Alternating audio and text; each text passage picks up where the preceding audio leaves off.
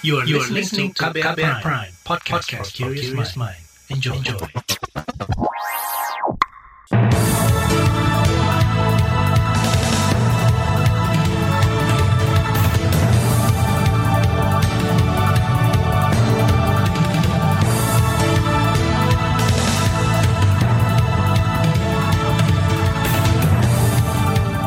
Selamat pagi saudara, jumpa lagi di program Buletin Pagi edisi Rabu 12 Januari 2022, saya Roni Sitanggang. Sejumlah informasi pilihan telah kami siapkan di antaranya. Pemerintah mulai booster COVID gratis hari ini. Menteri BUMN laporkan dugaan korupsi di PT Garuda Indonesia. Ratusan rumah warga di Jayapura masih terendam banjir. Inilah Buletin Pagi selengkapnya. Terbaru di Buletin Pagi. Presiden Joko Widodo memutuskan suntikan penguat atau booster vaksin COVID-19 diberikan gratis. Jokowi juga meminta masyarakat memperkuat booster dengan disiplin protokol kesehatan di masa pandemi COVID.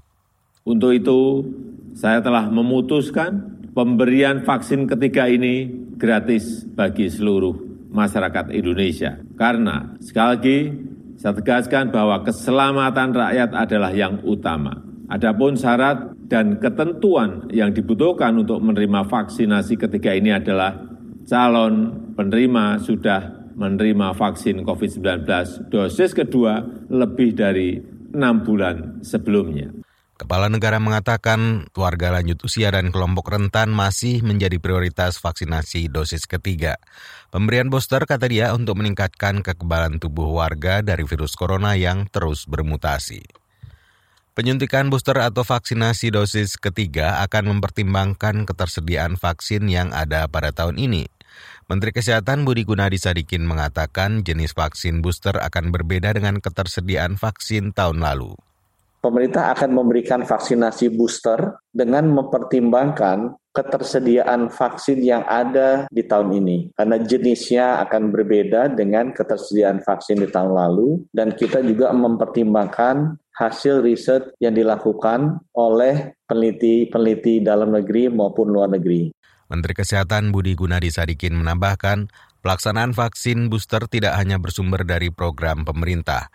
Kata dia, pemerintah tetap mempertahankan mekanisme vaksin gotong royong atau berbayar yang selama ini berjalan.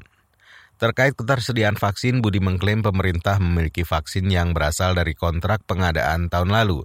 Selain itu, Indonesia juga memiliki tambahan ketersediaan vaksin donasi dunia lewat kerjasama COVAX dan bilateral. Keputusan pemerintah pusat memberikan booster dinilai bukan solusi. Bupati Landak Provinsi Kalimantan Barat Caroline Margaret Natasa meminta pemerintah pusat fokus pada pemerataan vaksin dosis lengkap. Kata dia, masih banyak daerah yang belum mendapatkan akses vaksin dosis pertama maupun kedua. Booster itu kan bukan solusi. Booster itu kan bukan sembarang booster. Tentu kan harus lihat kapan dia vaksin, boosternya kapan. Baru sebulan lalu masa udah booster. Kami minta pemerintah pusat mempertimbangkan pendapat para ahli dulu lah, baru bicara booster. Nggak usah ngomong booster, kita sekarang lagi nyisir daerah-daerah terpencil yang sulit. Kita masih fokus mencapai target vaksinasi dosis satu. Jangan sampai mengganggu ketersediaan vaksin untuk yang dosis satu dan dosis dua di daerah yang belum mencapai mencapai target. Bupati Landa Caroline Margaret Natasa juga menyayangkan keputusan pemerintah yang memulai pemberian vaksin booster di saat masyarakat belum semua menerima vaksin dosis lengkap COVID-19. Komisi yang membidangi kesehatan DPR mengingatkan agar pelaksanaan suntikan penguat atau booster tidak menciptakan ketimpangan vaksinasi. Anggota komisi yang membidangi kesehatan DPR Neti Prasetyani beralasan masih ada daerah di Indonesia yang justru baru memulai vaksin COVID-19 dosis pertama. Jadi kalau bicara tentang eh, kelengkapan vaksin dosis pertama dan kedua, di beberapa daerah malah ada warga yang baru memulai vaksin pertama atau bahkan kesulitan mencari vaksin kedua, seperti itu. Nah, tentu ini menjadi tugas pemerintah sebelum eh, betul-betul akan memulai vaksin booster. Anggota fraksi Partai Keadilan Sejahtera Neti Prasetyani meminta pemerintah pusat menyiapkan petunjuk pelaksanaan dan petunjuk teknis yang akan dijalankan pemerintah daerah. Ia mengatakan sejak rapat terakhir terkait vaksinasi booster dengan Kementerian Kesehatan, DPR belum mengetahui petunjuk yang menjadi pedoman pemerintah daerah. Ia juga berharap vaksinasi booster yang dimulai hari ini tidak menimbulkan kegaduhan baru. Sementara itu, epidemiolog dari Universitas Erlangga Surabaya, Laura Navika, meminta pemerintah memprioritaskan distribusi vaksin COVID-19 dosis pertama dan kedua untuk masyarakat. Kata dia, meskipun vaksin booster mulai diberikan, namun masih ada kelompok warga yang belum mendapatkan haknya mendapatkan vaksinasi COVID-19 dosis lengkap pemerintah harus mempertimbangkan ya kuota vaksin yang akan digunakan untuk booster, kemudian juga kuota vaksin yang uh, ini menjadi hak ya bagi masyarakat yang belum mendapatkan dosis pertama atau uh, baru mendapatkan dosis pertama ya. Jadi masih perlu uh, mendapatkan dosis yang kedua. Nah, ini harus jelas ya. Jangan sampai kemudian booster ini mengambil hak ya dari masyarakat yang belum mendapatkan vaksin. Epidemiolog Universitas Erlangga Laura Navika mengungkapkan pemerataan vaksin dan luasnya cakupan vaksinasi akan meningkatkan kekebalan kelompok di Indonesia.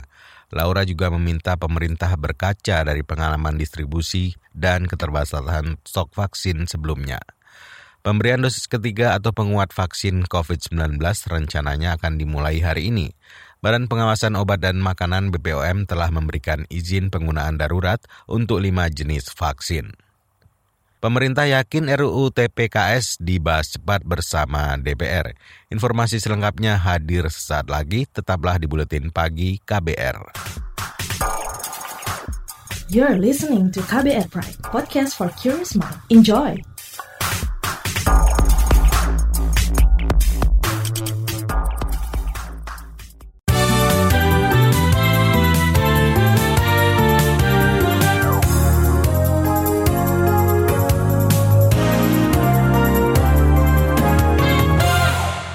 Anda sedang mendengarkan buletin pagi KBR. Saudara pemerintah yakin rancangan undang-undang tidak pidana kekerasan seksual bisa dibahas cepat bersama DPR. Wakil Menteri Hukum dan HAM sekaligus Ketua Gugus Tugas Percepatan Pembahasan Edward Omar Hiras memastikan pemerintah dan DPR memiliki semangat yang sama segera mengesahkan RUU TPKS menjadi undang-undang. Kalau ditanya ini kira-kira kapan ya saya jawab juga secara diplomatis as soon as better. Lebih cepat lebih baik ya. Jadi kalau misalnya ini bisa Februari ya Februari, kalau bisa akhir Januari akhir Januari, bisa Maret ya Maret. Tapi saya yakin dan percaya, saya optimis bahwa pemerintah dan DPR dalam dalam konteks ini adalah bukan lagi political will dari pemerintah, tapi political will dari negara itu tadi Wakil Menteri Hukum dan HAM Edward Omat Sirat. Sementara itu Ketua DPR Puan Maharani menyebut RUU TPKS akan disahkan sebagai RUU inisiatif DPR pada Selasa pekan depan. Namun Puan tidak menargetkan kapan RUU TPKS selesai dibahas. Alasannya masih menerima masukan dari masyarakat. Menteri Badan Usaha Milik Negara Erick Thohir melaporkan dugaan korupsi di PT Garuda Indonesia kepada Kejaksaan Agung. Kata dia dugaan korupsi itu terkait pengadaan pesawat jenis ATR-72 seri 600 di perusahaan maskapai plat merah itu. Pengaduan itu merupakan tindak lanjut dari investigasi internal BUMN. Garuda ini sedang tahap daripada restrukturisasi. Tetapi yang kita sudah ketahui juga secara data-data valid, memang dalam proses pengadaan pesawat terbangnya, leasingnya, itu ada indikasi korupsi dengan merek yang berbeda-beda. Nah, khususnya hari ini memang yang disampaikan Pak Jaksa Agung adalah ATR 72600. Nah, ini yang tentu juga kami serahkan bukti-bukti audit investigasi. Menteri BUMN Erick Thohir menambahkan pelaporan dugaan korupsi di PT Garuda Indonesia merupakan bagian dari program bersih-bersih di tubuh BUMN. LSM Energi dan Lingkungan Tren Asia menyebut tahun lalu merupakan tahun penuh masalah di sektor energi dan lingkungan. Peneliti dan manajer program Tren Asia Andri Prasetyo mengatakan sepanjang tahun lalu pemerintah tetap iner, kerap inkonsisten di kebijakan energi. Dalam konteks ini sebenarnya 2021 ada banyak pernyataan-pernyataan atau komitmen pemerintah yang sekilas memang bagus luar biasa gitu, indah secara diplomatis, tetapi memang kalau dibedah secara uh, konseptualisasi baik secara kebijakan maupun turunan-turunannya, memang ada banyak inkonsistensi terkait dengan kebijakan energi yang dipilih oleh pemerintah. Peneliti energi dan lingkungan tren Asia Andri Prasetyo menjelaskan permasalahan energi didominasi persoalan batu bara. Apalagi kata dia banyak pertimbangan seperti politik dan energi ekonomi di konteks batu bara. Terbaru terjadi krisis pasokan batu bara di PLN hingga kemudian terbit larangan ekspor batu bara. Kita beralih ke informasi lainnya. Pusat Studi Konstitusi Pusako Universitas Andalas Sumatera Barat mendorong penunjukan penjabat atau PJ pengisi kekosongan kepala daerah dilakukan terbuka dan transparan. Direktur Pusako Universitas Andalas Ferry Amsari menilai kepentingan politik berpotensi muncul saat penentuan penjabat kepala daerah, terutama yang berkaitan menjelang Pilpres 2024. Tahun ini sebanyak 101 kepala daerah akan berakhir jabatannya. Penentuan para pejabat eh, kepala daerah ini berkaitan dengan suasana politik 2024 yang tentu saja akan eh, memperkuat posisi pemerintah pusat dalam berbagai daerah dan itu tentu perlu kebijakan yang terang benerang terbuka dari pemerintah agar penunjukan kepala daerah tidak didasari motif politik pemerintah pusat semata tetapi juga mempertimbangkan berjalannya dengan baik pemerintahan di daerah. Meski syarat penjabat kepala daerah telah ditentukan undang-undang, Direktur Pusako Andalas Ferry Amsari menyarankan pemerintah menerbitkan perpu untuk menghindari konflik kepentingan, terutama menjelang pemilihan umum 2024. Ia khawatir ruang intervensi politik dari pemerintah pusat dalam pengelolaan daerah melalui pejabat menjadi sangat besar. Lembaga Pemantau Ekonomi KOR menilai langkah pemerintah yang membentuk Badan Layanan Umum BLU untuk mengatasi krisis pasokan batu bara dalam negeri tidak tepat. Menurut Direktur KOR Peter Abdullah, langkah itu berpotensi menggerus keuangan negara. Apalagi kata dia subsidi yang kian bertambah berujung membengkaknya piutang. Lewat skema BLU itu nantinya PLN akan membeli batu bara mengikuti harga di pasar dunia bukan harga domestik yang saat ini dipasok sebesar 70 dolar Amerika atau sekitar 1 juta rupiah per ton. Karena nanti kalau PLN itu harus membeli batu bara dengan harga yang begitu tinggi, maka implikasinya beban kepada pemerintahnya kan kan pemerintah harus mensubsidi jadinya beban pemerintahnya naik. Kalau beban pemerintahnya tidak dinaikkan, ya, tidak ditanggung oleh pemerintah, beban kepada masyarakatnya yang naik. Sementara di sisi lain yang akan tersenyum tertawa itu adalah para pengusaha tambang. Direktur Riset Lembaga Pemantau Ekonomi KOR, Peter Abdullah menyebut, selama ini produsen batubara telah mendapat keuntungan besar dari perdagangan di tingkat global maupun domestik. Karena itu kewajiban pemenuhan pasokan melalui domestic market obligation sebesar 25 persen seharusnya diikuti dengan koridor harga domestik. Gabungan Industri Kendaraan Bermotor Gaikindo meminta pemerintah memperpanjang relaksasi tarif pajak pertama nilai barang mewah ditanggung pemerintah. Ketua Umum Gaikindo Yohanes Nangoy menilai relaksasi tarif pajak kendaraan bermotor akan mendorong pertumbuhan industri otomotif tahun ini. Nah, memang dengan selesainya peraturan tersebut ataupun efektivitas daripada peraturan tersebut di akhir Desember 2021, otomatis membuat di bulan Januari ini penjualan menjadi agak sedikit terseok karena kan orang kaget harganya naik lagi gitu loh. Kira begitu. Nah, oleh sebab itu, tapi kita memaklumin bahwa kebijakan pemerintah kan tidak bisa berlangsung selamanya dan ini berlaku di tahun 2021, ya kita harus terima. Kami akan mengupayakan segala macam untuk bisa menutup kekurangan daripada penjualan tersebut. Ketua Umum Gaikindo Yohanes Nangoy mengungkapkan kebijakan 0% PPNBM kendaraan bermotor berhasil mendongkrak penjualan otomotif di tengah melandainya daya beli masyarakat imbas pandemi COVID. Kita ke informasi mancanegara. Jepang akan mempertahankan pembatasan masuk ke negaranya hingga akhir Februari mendatang. Perdana Menteri Jepang Fumio Kishida dikutip dari Reuters menyebut pembatasan ini guna mencegah penyebaran COVID-19 varian Omicron. Berkat pembatasan itu, Jepang dapat menjaga penyebaran Omicron di negaranya. Sebelumnya, warga non-Jepang termasuk pelajar dan kerabat warga Jepang di luar negeri dilarang masuk ke negeri Sakura kecuali untuk situasi tertentu.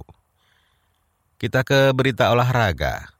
Ganda putra bulu tangkis Indonesia Muhammad Ahsan Hendra Setiawan memenangi laga babak pertama India Open kemarin. Ahsan Hendra menundukkan pasangan ganda putra tuan rumah Prem Singh Kausan Rajesh Verma dengan skor 21-18 dan 21-10. Selain Aksan Hendra, wakil Indonesia lain di ajang India Open 2022 adalah Tommy Sugiarto yang akan menghadapi Eng Seyong di babak pertama tunggal putra. Sementara ganda putri Indonesia Fitriani Yulia Yosepin Susanto mengundurkan diri di ajang India Open. Saudara di bagian berikutnya kami hadirkan laporan khas KBR yang mengulas tema dinamika seleksi calon anggota KPU dan Bawaslu. Nantikan sesaat lagi. You're listening to KBR Pride, podcast for curious mind. Enjoy!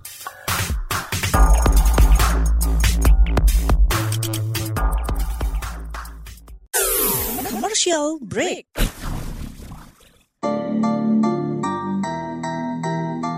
Come on yo, buat yang sukanya berhoax, you better listen to this one.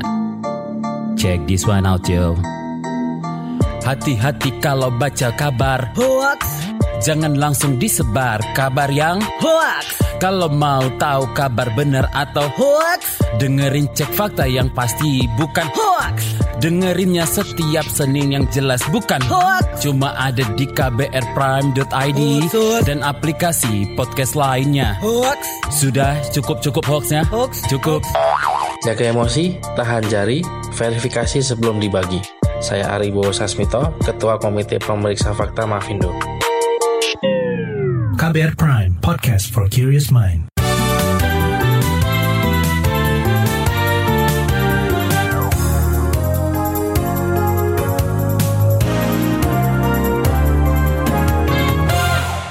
Terima kasih Anda masih bersama kami di Buletin Pagi KBR. Saya Roni Sitanggang. Saudara, pembentukan tim panitia seleksi calon anggota Komisi Pemilihan Umum dan Badan Pengawas Pemilu sempat menuai kritik dari kelompok masyarakat. Kritik tersebut muncul karena dua lembaga ini akan memiliki peran besar dalam suksesnya penyelenggaraan dan pengawasan pemilu. Karena itu perlu orang berkompeten untuk mengisi posisi tersebut. Selengkapnya bersama laporan khas yang disusun Sindu Darmawan. Presiden Joko Widodo menetapkan 11 nama yang menjadi tim seleksi anggota KPU dan Bawaslu periode 2022-2027. Penetapan itu berdasarkan keputusan Presiden yang ditandatangani 8 Oktober 2021. Tim tersebut diketuai Juri Ardiantoro yang juga Deputi 4 Kantor Staf Presiden. Anggotanya antara lain Wakil Menteri Hukum dan HAM Edward Omar Syarif Yarich, pengajar ilmu politik Universitas Erlangga, Airlangga Pribadi Kusman, Guru Besar Psikologi Universitas Indonesia Hamdi Muluk, bekas Hakim Konstitusi I Dewa Gede Palguna, dan Komisioner Komisi Kepolisian Nasional Kompolnas Pungki Indarti. Sebagian nama-nama tersebut dipilih Presiden tanpa mengacu calon-calon yang diusulkan Kemendagri, yakni Juri, Edi, Palguna, dan Prozin, Betty, dan Pungki Indarti. Sisanya ialah nama usulan Kemendagri. Ketua Tim Seleksi Juri Ardiantoro memastikan dirinya beserta ke-10 anggota tim lain akan menjaga independensi dalam setiap tahapan seleksi. Kalau ditanya secara konkret, kami sedang proses finishing code of conduct di antara kita ini. Jadi kita juga akan menyusun fakta integritas begitu dan nanti akan kami sepakati dan itu menjadi pegangan kami di dalam bekerja dan mudah-mudahan sampai selesai nanti kita bisa bekerja sesuai dengan harapan teman-teman semua, harapan publik semua. Pakar Hukum Tata Negara dari Universitas Gajah Mada UGM, Zainal Arifin Mohtar, mengkritik komposisi pembentukan tim panitia seleksi timsel calon anggota KPU dan Bawaslu. Menurut Zainal, timsel KPU serasa tim sukses atau tim ses politik. Kata dia, semestinya Presiden Joko Widodo tidak memasukkan figur-figur politis di komposisi timsel, sebab di dalam timsel ada tahapan yang substantif.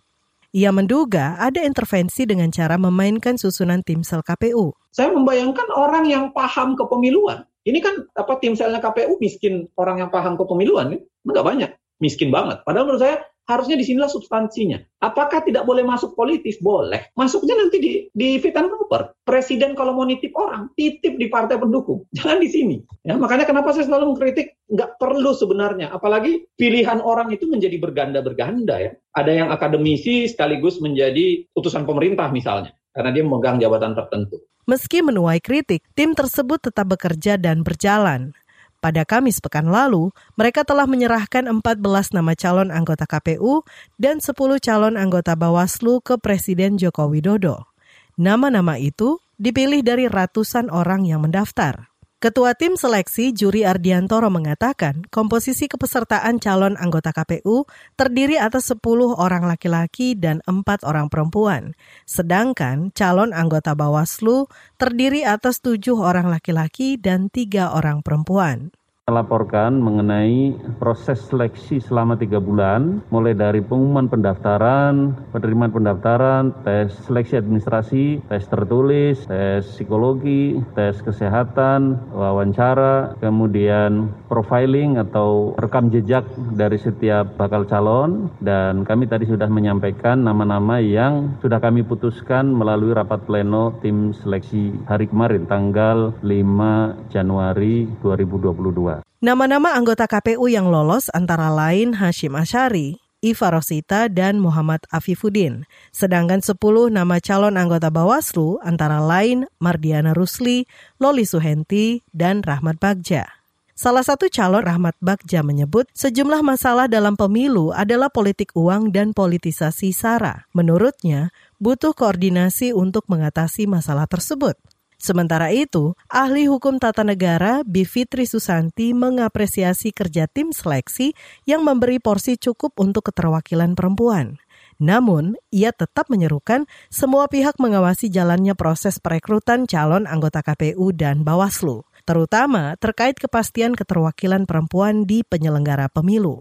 Sejauh ini cukup bagus ya. Nah, dua-duanya itu sudah cukup baik. Hingga kini, Presiden Joko Widodo belum menyerahkan nama-nama calon anggota KPU dan Bawaslu ke DPR. Presiden rencananya akan menyerahkan daftar nama tersebut ke DPR dalam kurun waktu 14 hari.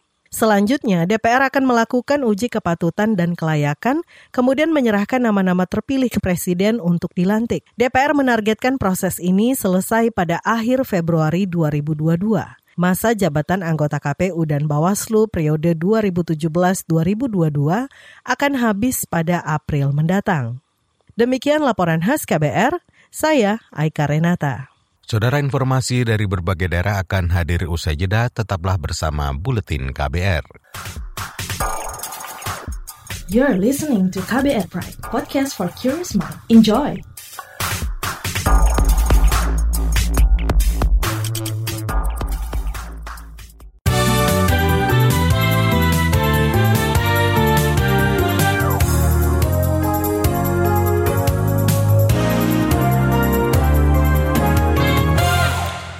Inilah bagian akhir buletin pagi KBR.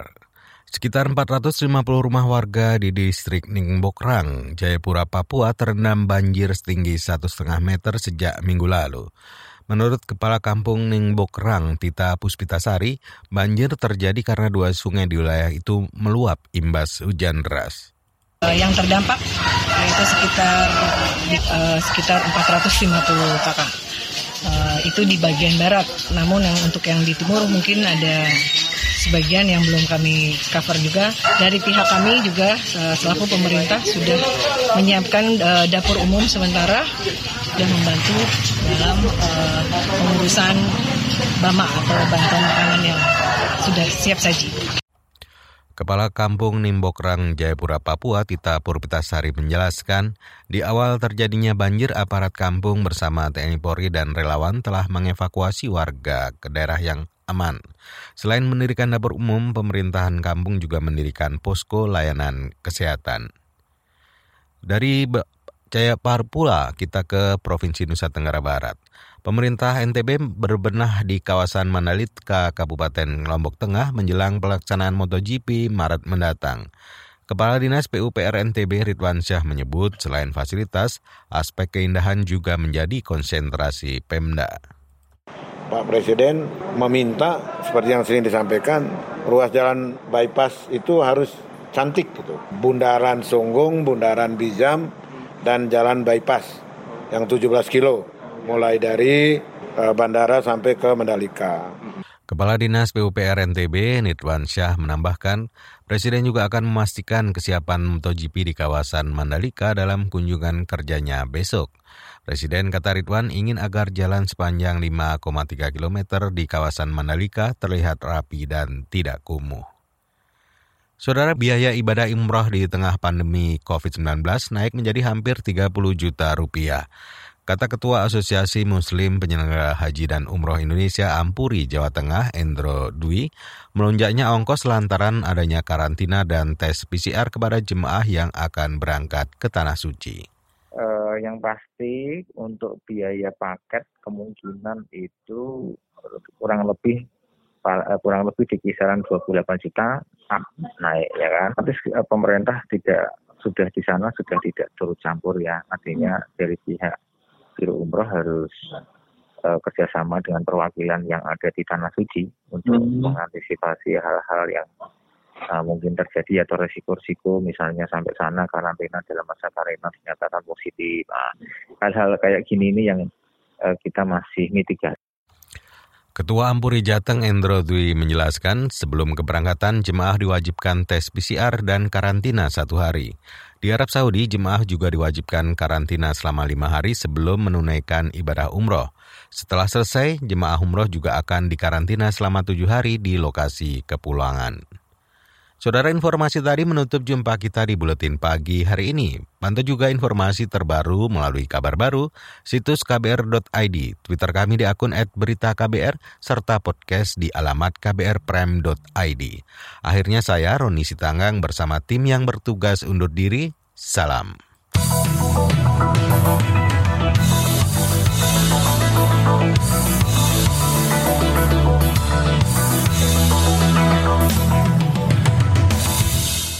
KBR Prime, cara asik mendengar berita. KBR Prime, podcast for curious mind.